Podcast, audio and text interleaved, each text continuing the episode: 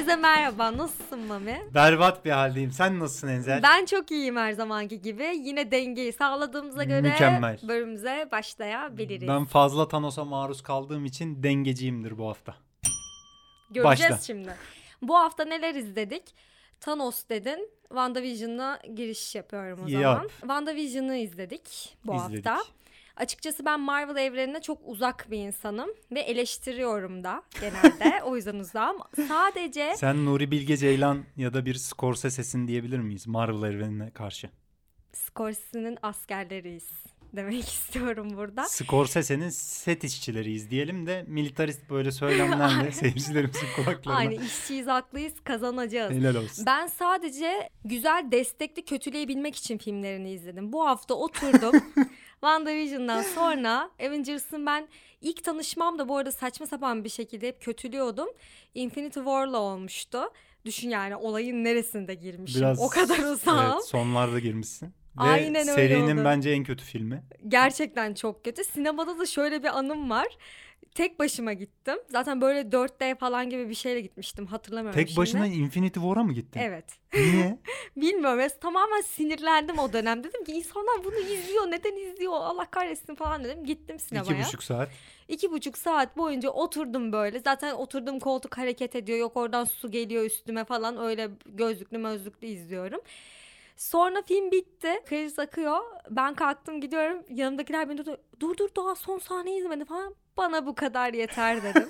o benim çıkışımdan sonra arkamdaki sesleri falan ya böyle buz kesti salon zaten ve ben sesli söyledim bunu Seni bilerek. DC'nin ajanı falan zannetmiş olabilir. Gerçekten. İnsanların moralini bozmuş. Aynen ya 18-19 yaşındaki çocukların kalbini kırıp çıktım salondan. Ya o yüzden benim Marvel maceram pek iyi değil. Ben Ben... geçen hafta kendi evrenimizdeki dünyada vakit geçirdiğimden daha fazla Marvel evreninde vakit geçirdim. Gerçekten ya sen yani bütün Avengers filmlerini izledim işte bir sürü okudum üstüne falan filan böyle her karakterleri gece bir tanımak yatıyorum için. kalkıyorum Letterboxd'da Muhammed başka bir şeyde Başka evren bir Muhammed Marvel Özçelik filmi izlemiş. Evet. puanlamış. WandaVision'ı ben sevdim açıkçası. Herkes de çok beğendi yani. Benim içimdeki o gizli geek'i uyandıran bir yapım oldu. Hiç izlememiştim Seni Avengers kaybetmek istemiyorum Mami. Lütfen Ya, evine dön. Bilemiyorum ben türcü ya da böyle bağımsız sinemayı ana akımdan Aa üstün tutan falan. şu an sıçlandım. Hayır hayır. Ha, Ya genelde Türkiye'de çok yapılıyor ya bu. Açıkla. Onu demek istiyorum. Seninle alakası yok yani. Öyle bakmadığım için her iki tarafında hakim olmanın daha böyle kapsayıcı genel kültür amacıyla Bu falan arada da şaka hoş bir olduğunu yana, düşünüyorum yani. Ben de WandaVision'ı böyle sen söyledin diye izledim. Gündemden uzak kalmayayım hem de daha rahat destekle kötüleyebileyim diye. Marvel Geç bile evrenine. kaldık yani. Evet geç kaldık. Geç olsun güç olmasın demişler. İzledim açıkçası ben de daha korkunç bir işle karşı karşıya kalacağız diye düşünmüşken çok korkunç değildi. Ancak ilk üç bölümde kurdukları atmosferi, o evreni koruyamayıp İlk üç bölüm ben de destekledim diyorsun. Aynı ilk üç bölüm destekledim. Tam benim istediğim gibiydi. Böyle gider mi acaba? Hani sabırlı bir izleyici mi bekliyorlar? Böyle sakin, temposu bu şekilde ilerleyen bir hikaye mi izleyeceğiz derken yine sonraki 3 bölüme okeyim. Hani o Marvel'ın evrenini kabul ettikten sonra saçmalık olarak görmeyeceğin, hani öyle kabul edeceğin olaylar oluyor ama son iki bölümde beni kaybetti. Ciddi anlamda. Ben de mesela ilk üç bölümde kurduğu çok güzel bir gizem var dizinin. Evet. Wanda ile Vision'ın hikayesi üzerinden. Ondan sonra dördüncü bölümde bir anda o bütün gizemi açıp yeni bir film içinde film gibi, dizi içinde dizi gibi bir şeye girmesine biraz hızlı buldum açıkçası. Ya biraz o fikir daha zaman de güzel. güzel arada. ama biraz daha o kurduğu gizemin ekmeğini biraz daha yiyebilirdi Değil mi? Tadını geldi. Çok çıkarabilirdik çok hızlı izlerken. çok hızlı dönüş yaptı yani. Ve sonunda da klasik bir iyi kötü savaşıyla sonuçlandığı için tabii ki sonunu ben de beğenmedim açıkçası son iki bölümünü. Ama bütün olarak düşündüğümde gerçekten eklektik bir iş zaten. Bir sürü estetikten işte yıllar arasında televizyon estetiğinden falan beslenmiş. Ama çok yenilikçi, çok güzel bir fikri var gerçekten. Wanda'nın psikolojik derinliğine de alışık olmadığımız bir biçimde Ama çok o giriyor. şey derinliği sağlarken keşke cümlelerle değil de bizi izletselerdi. Yani Wanda'nın ağzından duymak benim hoşuma gitmedi. Evet. Hani ben böyle bir hayat yaşıyordum. O yüzden böyle bir evren kurdum falan aslında gibi hem, bir şeye hem geliyor ya. çok konuşuyor hem de aslında çok da gösteriyorlar. Çok fazla flashback üzerinden hani evet. neler yaşadığını. Bu evrenlerin biraz olayı da bu yani. Ha, o yüzden kabul ettim ben de Çünkü zaten. sonuçta diğer filmleri ya da dizileri izlemeyen insanları da çekebilecek bir şekilde Yani e, kapsayıcı kapsayıcı olması olması, gerekiyor. Avengers'ların bile her filmi öyle yani aslında. Sen filmin bir yerinden girdiğinde Russolar sağ olsunlar son iki filmde zaten iki buçuk saat, üç saat boyunca bütün karakterleri bir sekans ayırdıkları Ay için lütfen şöyle artık genişçe. sinemadan çekilsinler ya. Evet Cherry'i izleyemedim en son yaptıkları yani film ama genel bir olarak tweet beğenilmemiş. Ee, takip ettiğime Burak diye biri Hı hı. yazmış. Yani lütfen çekilin artık demiş. Belli yani Cherry izlemiş. Evet. Lanet etmiş Hatta hani. şey demiş yani zaten yeterince para kazanmadınız mı artık sinema yapmasanız olmaz mı falan diye. Bayağı eleştirmenler falan da beğenmemiş filmi. Bu hafta bakacağım ona da. Ben de bakacağım yani vakit bulamadık. Senin yüzünden Avengers dünyasına girdim ben de. Dur ben şimdi seni Avengers'tan DC'ye zıplatacağım hemen. Bir dakika DC'ye zıplatmadan önce sana dürüstçe mertçe cevap vermen gereken bir soru. Tamam. Marvel dünyasında olsan Heh. ya o kadar artık Infinity War Endgame'i izledik. Bütün Hı hı. karakterler bir şekilde hikayeye geldi. Hepsi hikayenin içinde.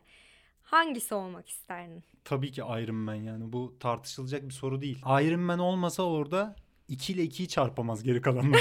ya 4 Gerçekten işlem ya. yapamazlar. bak. Adam Yani- grubun beyni gel ciddi Aynen anlamda. sadece beyni de değil yani. Bütün parayı adam sağlıyor. Bütün teçhizatı adam getiriyor. Oturdukları malikaneler ondan sonra o ofisler hem maddi hem de manevi hem de bir aklen. de bir de mizah da sağlıyor. Diğerleri Evet ya, dövüşelim, vuralım, ya. kıralım. Robert Downey Jr. hakikaten filmlerin o karanlık atmosferini böyle biraz daha komik anları falan yaratan en önemli karakterlerden biri. Valla ben Mark Ruffalo'nun bedenine girebileceksem eğer Hulk olmayı tercih ederdim. Bilmiyorum. Mark Ruffalo'nun bedenine mi girmek istiyorsun? Aynen. İlginç bir istek. Olacaksa Hani sen-. Senin Hulk'un Ruffalo mu olacak? Aynen. Seni öfkelendiğinde Ruffalo'ya dönüşeceksin. Güzel. Beğendim. Güzel yani. Bence de Beden içinde beden. O zaman Marvel'dan DC'ye biz de uçur bakalım. Efendim şimdi bu haftanın da en geekler tarafından beklenilen heyecanla filmine geliyoruz. Ben de çıksa da böyle kötülesem diye. Sen yani. kötüleyebilir misin bilmiyorum. Çünkü Zack Snyder 4 saatlik bir DC evreni fırlattı dünyaya. Yok ben almayayım. 4 saat sürüyor. 4 saat 2 dakikalık film. O 2 dakikada da herhalde bilmiyorum ne oluyor yani. Niye 2 dakika? Ben olsam mesela bir Başak Burcu olarak 4 saatte bitirirdim kesinlikle. Ben daha Satan Tango'yu izlemedim ya. Gider onu açar izlerim. HBO Max'te yayınlanacak. Aslında HBO Max'in biraz daha işte genç kullanıcı sayısını da arttırmak için böyle çok önem verdiği falan bir proje Warner Bros'la birlikte TNT şirketinde. 2017'de aslında filmin ilki çekiliyor Justice League. Zack Snyder yönetmenlik yaparken kızı intihar ediyor. Daha sonra filmden çekilmek zorunda kalıyor. Sonra yerine Joss Whedon geliyor. Zack Snyder'in o zamana kadar çektiği sahnelerden yalnızca yarım saatlik bir dilimini kullanıyor filmde. 2017'deki filmde. Ve bunu da böyle çok şişirdiler. Şimdi kitleyi de hani harekete geçirmek için Evet, işte Zack dönemi. Snyder Justice League geliyor. Bu bambaşka bir Justice League. Hakikaten de öyle. Çok ek bir büyük bir bütçe ayrılıyor Zack Snyder'e. İlk başta 4 bölümlük bir dizi olarak yayınlanacağı söylenmişti. Daha sonra e, Zack Snyder'in talebiyle film olarak yayınlanmasına karar verildi. Şimdi 18 Mart'ta yayınlanacak HBO Max'te ama şu an malum ortamlara düştü film. İsteyenler, merak edenler, geek kardeşlerimiz mutlu Zaten olmak için Sağ Dört olsunlar saatlik bir- Twitter time bir anda coştu bu Evet. konu hakkında. Benim gibi sevinenler de çıktı bu arada. Ha kötü diyorlar falan diye böyle. Ha, bir de o var. Kardeşlerim Şimdi sarılıyorum size. HBO Max eleştirmenlere gönderdi filmi geçtiğimiz hafta. İkiye bölünmüş durumda bildiğin. Çok kötü olduğunu söyleyen ve çok beğenenler var ve bunların ortalaması alınıp Metacritic'te 50 küsürlerde Rotten Tomatoes'ta da Ay, yine Rotten ortalama ben. ortalama bir değeri var filmin. Biraz böyle baktım yorumlara, kullanıcıların yorumlarına falan. Herkes çok heyecanlı yani. Büyük bir heyecanla bekliyorlar. Ben de buraya gelmeden önce indirmeye başladım filmi. Umuyorum 4 saatimi Ya DC evreninde bir gezintiye Marvel'dan biraz da Yarın oraya sabah kalktığımda bakalım kaç yıldızla kalkacağım. bakalım. Kapatalım o zaman. Bu hafta bir anda durduk yere Mami yeni bir diziyle karşıma çıktı. ben izleyemedim o yüzden onun şokunu yaşıyorum da kendi içimde. Mami diziyle geldi ben izlemedim diye. Last Chance You basketbol, belgesel ve aynı zamanda spor dizisi. Bunun başka bir versiyonu zaten yayınlanmıştı 5 sezonluk. Sen yanlışlıkla onu izledin. Bölüm Arkadaşlar Enzele. Enzele dedim ki geçen hafta işte çok güzel bir belgesel dizi yayınlandı. İstersen bir bak dedim. Last Chance You basketbolun fotoğrafını attım. Böyle bayağı basketbol topu falan. evet. bir önceki çekilen versiyonunu Amerikan futbolu versiyonunun yarım saatini izlemiş gelmiş. Bana diyor ki izledim hiç fena değil falan diyor. Az önce anlaştık da böyle karşımızda gülüşerek tuhaf oldu. Neyse bu yeni çıktı daha 10 Mart'ta yayınlandı. 8 bölümden oluşuyor ilk sezonu. Burada bir tane Doğu Los Angeles'ta kolej takımının basketbol takımına odaklanıyor. Los Angeles'ta olmasına bakmayın aslında şey bayağı gelir düzeyi çok düşük olan hem ailevi dertlerle hem ekonomik sıkıntılarla hem de uyuşturucu gibi şiddet gibi birçok problemle boğuşan gençlerin kolejlerde nasıl hayata tutunmaya çalıştıkları ile ilgili bir belgesel aslında. Ama aynı zamanda bizim bu Last Dance'ten de geçtiğimiz yılın müthiş şaheserinden hatırladığımız sporun çok heyecanını da bir yandan kullanan onun böyle bir ilham verici yanını da böyle çok fazla Hırsı, rekabeti, hırsını, rekabetini hepsini. Çok fazla kullanan bir yapım. Ben de ilk bölümünü izledim ama yorumlar çok iyi. Eleştirmenlerin falan yorumları da çok yüksek. Yani bizim daha önce bahsettiğimiz İç Sesin diye bir dizi vardı. Amerika'da 5 bölümü de yayınlandı şu anda. İzlemediyseniz muhakkak izleyin. Ee, onunla birlikte böyle Metacritic'te en yüksekte şu anda duruyor bu yıl içinde yayınlanan dizilerde. Bu 8 bölümde Doğu Los Angeles'taki kolej takımının oyuncularının her birinin pandemiden önceki sezonda e, hem hayatta nasıl tutundukları, aile ilişkileri, nasıl yaşadıkları hem de takımın başına gelen bir koç var. Bu koç da John Mosley. Tam bir ruh hastası ve inanılmaz böyle oyuncularla samimi ilişki kurmayı başarabilen bir adam. Aynı zamanda da çok hırslı böyle, çok tutkulu bir adam. Onun etkisiyle zaten aslında takım böyle yükselişe geçiyor. Onun öncesinde çok taraftar grubu olan ya da başarısı olan falan bir takım değil bu Last Chance U'da sezonunda bahsedilen takım. Oyuncuların aslında nasıl John Mosley ile birlikte dönüşüm süreci yakaladıkları ve nasıl en yükseğe, en başarılı klasmana doğru. Aslında belgesel kurgu gibi bir şey değil mi bu dizi? Hayır hayır belgesel. Direkt belgesel. belgesel. Gerçek oyuncular yani bunlar. Tabii pandemiden sonra işte e, kolej takımlarının maçlarında böyle engeller olmuş. Şu anda oynayamıyorlar yani. O yüzden hepsi başka şehirlere gitmiş şu anda konuşulan belgeseldeki oyuncuların falan. Başka takımlarla falan anlaşmışlar. Ama 8 bölümlük böyle basketbolu, NBA'ye falan ilgisi olanlar varsa özellikle şeyi de anlamak açısından da çok önemli. NBA'in niye bu kadar dünyadaki en iyi spor organizasyonu olduğunu hani bu alttan gelen oyunculardaki o e, rekabeti ve kaliteyi ve çalışma disiplinini falan gördüğün zaman daha da iyi Ya anlıyorsun bu yani. üniversite bursu onlarda çok etkili galiba. Evet onu almak için zaten Sporcuya aslında verilen bu değeri kadar. gösteriyor Evet yani. onu almak için aslında bu kadar çabalıyorlar zaten. Hepsi kenar mahallelerden gelen falan çocuklar olduğu için. Güzel yani böyle dengeli hem draması da var biraz böyle oyuncular üzerinden. Hem de böyle e, sporda rekabeti falan seven insanlar varsa izleyebilirler diyeyim. Netflix'te. Buyurun açın izleyin. Buyurun açın izleyin. Benim gibi yanlış olanı izlemeyin ama Evet lütfen. Last Chance You Amerikan futboluna alakanız yoksa ona düşmeyin arkadaşlar. Basketbolu yazacaksınız. Ama o da güzeldi bence. Şans verin derim. E, bu haftanın asıl önemli konusu tabii ki Oscar adaylarının açıklanmasıydı. Evet. Bizi şaşırtan adaylıklar oldu mu? Yani Olmadı açıkçası aslında. evet makul hı. olması gereken ama Ve- Oscar'a göre şaşırtıcı olan. Hani Doğru. Oscar gerçekliğinde şaşırtıcı evet. bizim için çok şaşırtıcı olmayan Ya bayağı kararlar. dengeli de adaylıklar çıktı. 3 filme 6 dalda, 2 filme 5 dalda. Menke en fazla dalda çıktı ama Menke en da- fazla dalda çıkması aslında birçok alanda çok iyi bir film olması ama çok da belki bu ödüllerde yarışırken adaylık almasına rağmen ödül alamayacağını da tahmin ediyoruz yani Golden Globe'da da benzer bir şey yani oldu. kalplere hitap etmeyen bir film olduğu için duygulara. Özellikle ana kategorilerde çok alabileceğini düşünmüyorum. Aynen yani. ya burada bakacak olursak en iyi filmde mesela Minari'nin aday olması bence büyük bir şey Oscar için. Hı hı. Ama bekliyorduk bunu yani. Aynen En yani güçlü adaylardan biri hatta şu an. Kesinlikle. Onun dışında Sound of Metal mesela işte Golden Globe'da aday değildi. Burada en iyi filmde aday. Hı hı.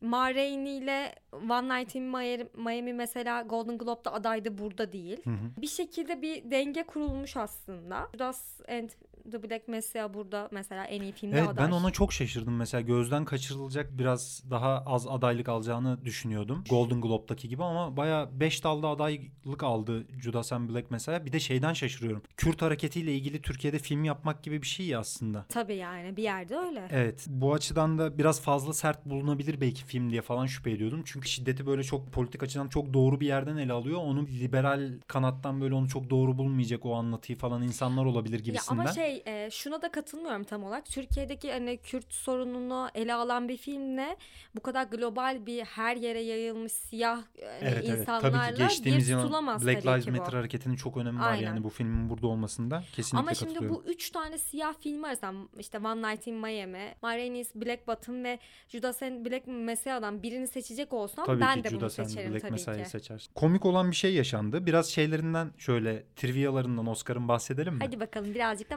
magazinsel. Tamam. Daniel Kaluuya ve e, Lakeith Stanfield birbirlerini destekliyorlarmış. ya nasıl olabilir bu ya?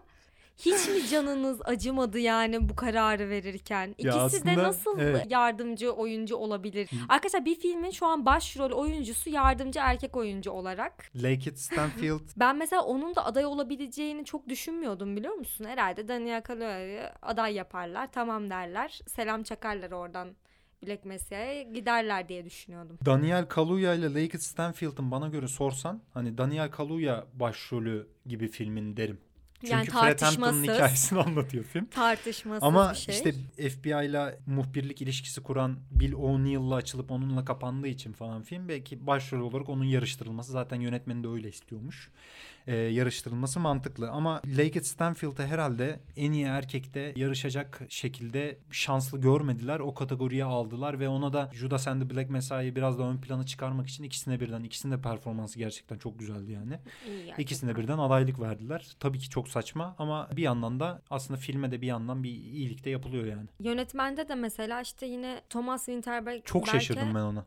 Another Round'un, Round'da evet. değil mi? Ya Evet. Gerçekten filmi sevmişler diye düşünüyorum evet. ben. Bu anlamda belki filmi çok sevdikleri için uluslararası film kategorisinde ödül alma ihtimali bence bir tık artmış olabilir filmin. Ya orada da çok politik filmler var. Bugün de birinden bahsedeceğiz. Ondan Aynen. o kadar emin değilim yani. Another Round biraz konusu itibariyle geri plana Ama düşüyor buraya bence. gelmesi hani Evet. yönetmenlere Ya bayağı Mads, büyük bir Mads başarı. Mikkelsen'in mesela erkek oyuncu kategorisine girmesine daha az şaşırırdım yani. Evet ya. Bak şu an gerçekten yönetmeni onu alıyorsan Misa- Mikkelsen'i de alırsın yani en iyi erkeğe.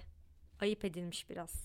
Kesinlikle katılıyorum. Mesela burada şunun burada ne işi var diyebileceğim de bir performans olmadığı için ama bir Gary Oldman. Gary Oldman yerine belki Ya Geri Oldman zaten bence yerine olsun artık. Neyse Benim artık. favorim zaten hani Riz Ahmet'ten yana ama Chadwick Boseman'ın alacağına Tabii da canım. Burada zaten kefilim hani boşu yani. boşuna 5 tane insanı aday olarak koymanın da bir alemi yok aslında. Anthony Hopkins Oscar tarihinin en yaşlı oyuncusu oldu aday gösterilen. Bu bir. e, trivialar başladı. Başladı. İkincisi ilk kez iki kadın yönetmen aynı anda en iyi yönetmen kategorisinde aday gösterildi Oscar tarihinde. Aynen ve bu şey değil hani hadi kadınları da ön plana çıkaralım gibi bir noktada değil. Gerçekten Herhalde canım seneye yani tabii ki. damgasını vuran adından söz Cleo ettiren kadınlardan. alacak zaten bu ödülü büyük ihtimalle. Yani Aksilik olmazsa. şaşırmayacağımız Evet. bir karar olur. En banko kategorilerden biri. İlk kez bir kadın hem yapımcı olarak hem de oyuncu olarak bir filmle aynı filmle yani aday gösterildi. Frances, Frances McDormand. McDormand. Nomadland filmiyle. Bence en iyi oyuncu da çok yakın tarihte aldığı için ödül Hı hı, Zor. zor gibi gözüküyor ama Bence de zor. Viola Davis en çok aday gösterilen Evet. eee, siyah kadın oyuncu oldu ve Oscar hepsi tarihinde. gerçekten siyah hikayesiyle. Hı hı. Hiç şaşmıyor. Zaten Denzel Washington Fences'ti galiba bir önceki adaylığı. Onda da benim bildiğim yapımla alakası var. Hı hı. Ma Rainey'nin de yapımıyla alakası var. Sevdiği bir oyuncu. Birlikte çalışmaktan hoşnut kendisiyle. Ve siyah filmlerin e, gözdesi yani. The Help'le de ben çok sevmiştim bu arada kendisini. Riz Ahmed ilk kez aday gösterilen Müslüman bir oyuncu oldu. Bak bu ilginçmiş işte. Steven Yeun ilk Asyalı oyuncu oldu. Asyalı Ay canım Amerikalı. onu bir öptükleri video var. O nasıl bir tatlılık. Gidip ben öpseydim keşke Onun o ya. pamuk pamuk Güney Koreli yanaklarından böyle. Vallahi, Vallahi benim sıra sıra öpesim geldi. geldi. benim de ya. İlk yazdı sanırım Onların bir de şey ciltleri yapan. evet ciltleri çok güzel olur bilirsin. Güney Korelilerin. Bayılırım yani. Ciltlere de baktığımızda daha kapsayıcı aslında böyle daha global anlamda hani biz bu dünyanın bakın biz bu Amerika'nın değil aslında biraz daha hani dünyanın heyecan verici bir organizasyonumuz. Biraz aklımız başımıza demek. geldi. Evet. Bazı yaşlı üyelerimizi Atilla de Dorsaylarımız. aynen Umarım koronadan dolayı kaybettik. Ben öyle hissettim. Saçmalama. dolayı kaybettik. Biraz yeniliğe gidiyoruz şu an. Gizli Kimisi- olduğu için de söyleyemiyoruz. 6000 üyemizin Söyleyemiyoruz. 4500'ünü kaybettik. Aynen. Yerine İşte gençleri aldık. Gençler geldi. Resmen öyle bir Güzel sene bence yani. ya. Hani o kadar kötü bir yıl geçirmediğimizin de aslında Sadece farkında şu- olabiliriz şu yani. çok garip oldu. Bir anda hepsi aynı anda oldu. O korkutucu. Yani bunun samimiyetini sorguluyorum ben. Gerçekten böyle bir değişime gidildi mi içeride? Samimi bir Onu şekilde. herhalde biraz uzun vadede göreceğiz ya. Yoksa hani bu sene böyle bir şovumuzu yapalım biz bütün dünyayı kucaklıyoruz hani. Kolaçan oluyoruz herkese. Bakın dünya sinemasına hakimiyet kurabilecek bir organizasyon bu demek için miydi? Yoksa ya bu sene de şovumuzu yapalım ya bir ötekilere de küçük bir destek katkı mı? Biraz onun şeyi var bende yani bilmiyorum. Onu bakalım zaman gösterecek. ama bir diyorum. değişim olduğu söz konusu hani Görülmeyen de es geçilen de bir sürü film var. Mesela kesinlikle Charlie Kaufman'ın I Am Thinking of Ending Things'i. bunu nasıl yaparlar ya Gerçekten anlamadılar bir- bence filmi Ya ne bileyim bir kurgu olur, bir prodüksiyon tasarımı olur. Hadi bunlar olmadı. Şöyle ufak kıyıda köşede kalmış bir müzik falan bir şey de mi veremediniz kardeşim ya? Bu nedir ya? Gerçekten güzel bir film. Uyarlama senaryo olur ya en kötü. Ha doğru. Birçok aslında listede de uyarlama sen- senaryoda Evet. gösterilmişti zaten. Mesela benim yılın en çok sevdiğim filmlerinden Never Rarely Always Sometimes. Gerçi o çok bağımsız kalıyor herhalde Oscar için bilmiyorum yani. O biraz daha Sundance kalıyor aslında. Yani bilemiyorum gerçi. Sound of Metal de biraz Aa, daha aynı tonda evet o bir film. bir yani şekilde buralara tırmandı hani. demek ki Performansla alakalı mı? Evet, Dick Johnson Dead mesela yılın en beğenilen belgesellerinden biriydi. O çok ilginç gerçekten. elde First edemedi. Call da öyle mesela. Evet, First Call eleştirmen listelerinde bayağı Nomadland'la birlikte ilk ikide sürekli yarışan Evet ve filmlerden Amerikalıların da biriydi. çokça Hı. sevdiği, desteklediği Ama bir filmdi. o zaman da demiştim yani çok güçlü bir şeyi yok gibi. Never Rarely Sometimes Always gibi biraz daha bağımsız e, sularda yüzdüğü için herhalde tercih edilmedi diye düşünüyorum. Haftanın filmi olarak Kovadis Ayda'dan bahsedelim Evet. dedik. Kovadis Ayda Bosna Hersek yapımı ve Bosna Hersek'in ve Oscar TRT'nin de yapımcılarından biri. Ortak yapımcı bu arada. Oscar adaylarından biri. Zaten Türkiye'nin de çok yıllardır ilgili olduğu da bir konu Aynen olduğu için. Bosnalı Müslümanların soykırımı olduğu Evet. için konu oldukça bizim de ilgimizi çekiyor. Film Srebrenica katliamından bahsediyor. Bu katliamı Jasmila Sbanik nasıl okunduğunu bilmiyorum soy isminin. Hanımefendiden özür diliyorum. Yönetmeni bir kadının gözünden aslında Srebrenica'da yaşananları bu kadın da hem Birleşmiş Milletler çevirmeni. Oradaki Birleşmiş Milletler Srebrenica'yı güvenli bölge ilan ettikten sonra Hollandalı askerler gönderiliyor bölgeye.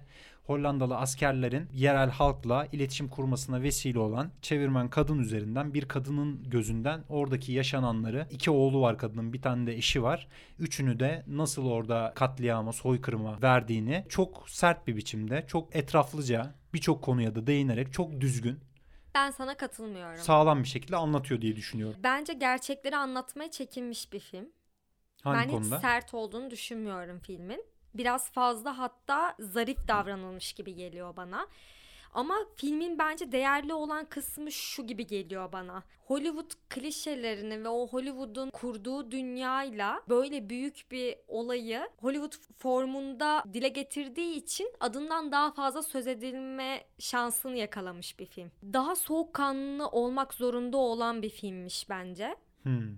Biraz Fazla bana... mı dramatize edildiğini düşündün hikayenin? Kadının- Dramatize edilmiş hani bakın hani ne kadar da çaresizlik yaşadık biz.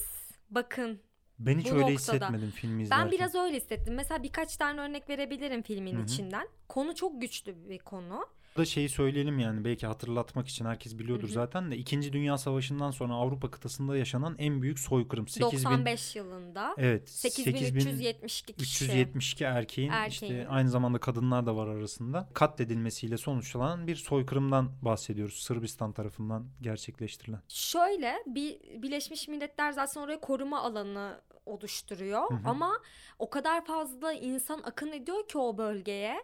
Çoğu zaten ya ormana kaçıyor ya bu Birleşmiş Milletler'in oluşturduğu bölgeye doğru kaçıyor. Hı hı. Ormana kaçanların çoğu hayatını bir şekilde e, devam ettirebiliyor. Sonradan hatta hayatta kalıp bir sürü röportaj yapan, işte belgesellerde konuşan insanlar da var Hı hı. o dönemi anlatan. Burada o Birleşmiş Milletler'in bölgesine gelen insanların da çoğu zaten dışarıda kalıyor. Çünkü yeterli şeyi sağlayamıyorlar korumayı. Kapasite sınırlı. Bir zaten orada Birleşmiş Milletler'in büyük bir hatası var. Yani o bölgede ne kadar insan olabileceğini zaten göz ardı edip oraya o şekilde gitmeleri lazım. Tabii ki canım zaten Birleşmiş Milletler yani iğrenç bir konumda burada. Filmde ama Birleşmiş Milletleri o kadar korkunç bir konumda göstermiyor. Ee, Sırp komutanla aslında o Birleşmiş Milletler'in başında olan Hollandalı askerlerin başındaki komutan gayet normalde fotoğraflardan görüyorsunuz. Bir müzakere dönemi oluyor ve Hı hı. hani hatta Bosnalı birilerini alıp o Sırplı e, askerlerle bir araya getirip böyle bir müzakere yapılmaya Toplantı çalışılıyor. yapılıyor. Mesela ondan sonra çekilen fotoğraflarda gayet Sırp komutanla işte bu Birleşmiş Milletler'in komutanı oraya temsilen giden komutanı böyle şampanyalar patlatmışlar falan böyle eğleniyorlar fotoğraflar falan var. Ama filmin başında sen şey diye gösteriyorsun.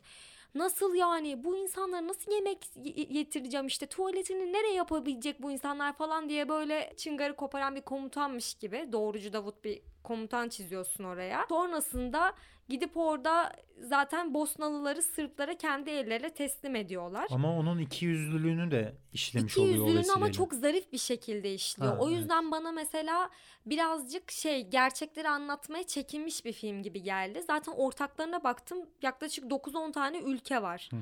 Belki ciddi anlamda bu konuda yumuşatmaya gidilmiş olabilir. E, en basitinden mesela filmin bir sahnesinde bir doğum gerçekleşiyor. Fix yani neden gerçekleştiği belli.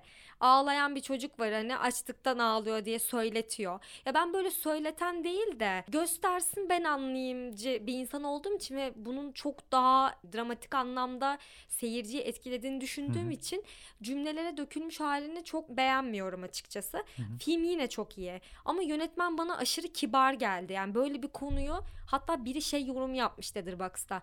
Benim bifteğim bile daha kanlıydı bu filmden. Hani siz bu kadar nasıl sakin bir şekilde bu filmi anlatabildiniz? Yine ben bu yoruma katılmıyorum. İlla ki kan görmek zorunda değiliz. O son sahnede zaten Onu hani bilerek ama çok bariz bir Aynen, tercih var orada. Şiddeti bildiği- göstermiyor yani Aynen film. hepimizin bildiği bir konu zaten. Tarihi birazcık takip eden bir insan siyasi olayları.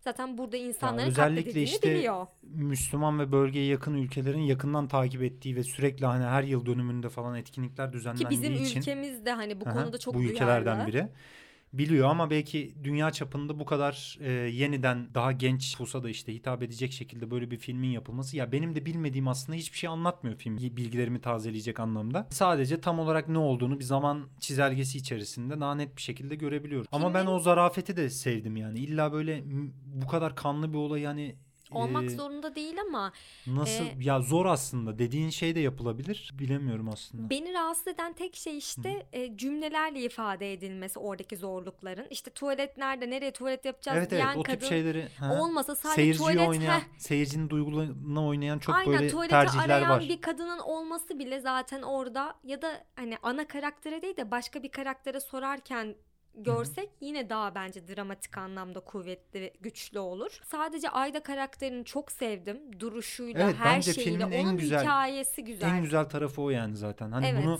genelde bu tip böyle savaş dramalarında hani erkeklerin hikayeleri çok fazla anlatılır ya. Bir kadının gö- gözünden kendi yakınlarını kaybetmenin ne anlama geldiğini ve bu işin içinde çok yakinen olan birinin Ama şey bu Bosna'nın katliamında en çok hani gerçekten acı çekenler kadınlar oldu. Çünkü erkeklerin Evet evet kesinlikle. yani. O açıdan çok başarılı bir Evet, gözlüyorum bir kadının zaten. yani. gözünden anlatılması Aynen gereken öyle. bir hikaye olması çok başarılı. Ve şeyi de çok sevdim. Yani Ayda'nın çaresizliğini biz o kadar güzel işleyen bir ritmi var ki filmin. Yani böyle o finale gelene kadar adım adım çok düzgün bir şekilde kuruyor onu. Ve finale geldiğinde o artık delirme anına ben de onunla birlikte geliyorum. Yani Ayda ile birlikte geliyorum. O karakteri izlemeyi hani tek bir ana bir karakter içerisinden klasik dram anlatısına yakın bir şekilde böylesine kanlı bir olayı etraflıca toplayıp hani her köşesine böyle yüzeysel de olsa dediğin gibi yani yaptığı için bana ne bileyim ortalama böyle 3 yıldızlık hani güzel bir film gibi geldi görülmesi gereken diyeyim. Yani ben de sadece yönetmenin biraz fazla kibar olmasından do- dolayı hani bir endişe duydum izlerken. Zaten kurgunun izlediğimi farkındayım ama filme nasıl bakmam gerektiğine dair aramda bir mesafe oluştu. Hı. Kibar Yani hissettim gibi hani. Geçen sene Parazit hem en iyi filmi hem de en iyi uluslararası filmi almıştı ya belki kolektif gerçekten İki kategoride de burada benzer bir şey yaşanır. Hem belgeselde hem de Oscar'a mı geçtik evet, yine? uluslararası O zaman Jodie Foster'ın da aday olmadığını şu an fark Şükürler ettim olsun. ben de. teşekkür ediyoruz. İkisini birden almazsa eğer bu kategoride Kovadis Ayda'nın politik yanıyla da Evet buraya kadar geldiyse bir Ödül alabileceğini düşünüyorum diye yani, düşünüyorum evet. ben de. Diyelim o zaman haftanın filmini malum ortamlarda bulabilirsiniz efendim. Altyazısıyla birlikte.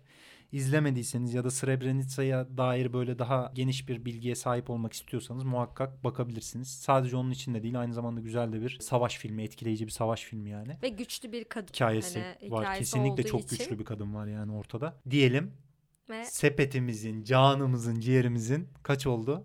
The 14 Klasik oldu. Podcastçi geyiği kaç oldu? Evet, kaç oldu ya? Hiç ya 40'tan hatırlamıyorum sonrasını ki. sayamadım artık. 14 oldu. 14 oldu. Biz sayıyoruz efendim. Aynen. 14. bölümünden herkese iyi akşamlar diliyorum. Hoşçakalın. Kendinize çok iyi bakın. Haftaya görüşmek üzere. Kaç dakika? Bugamundi sundu. Sundu. Sundu.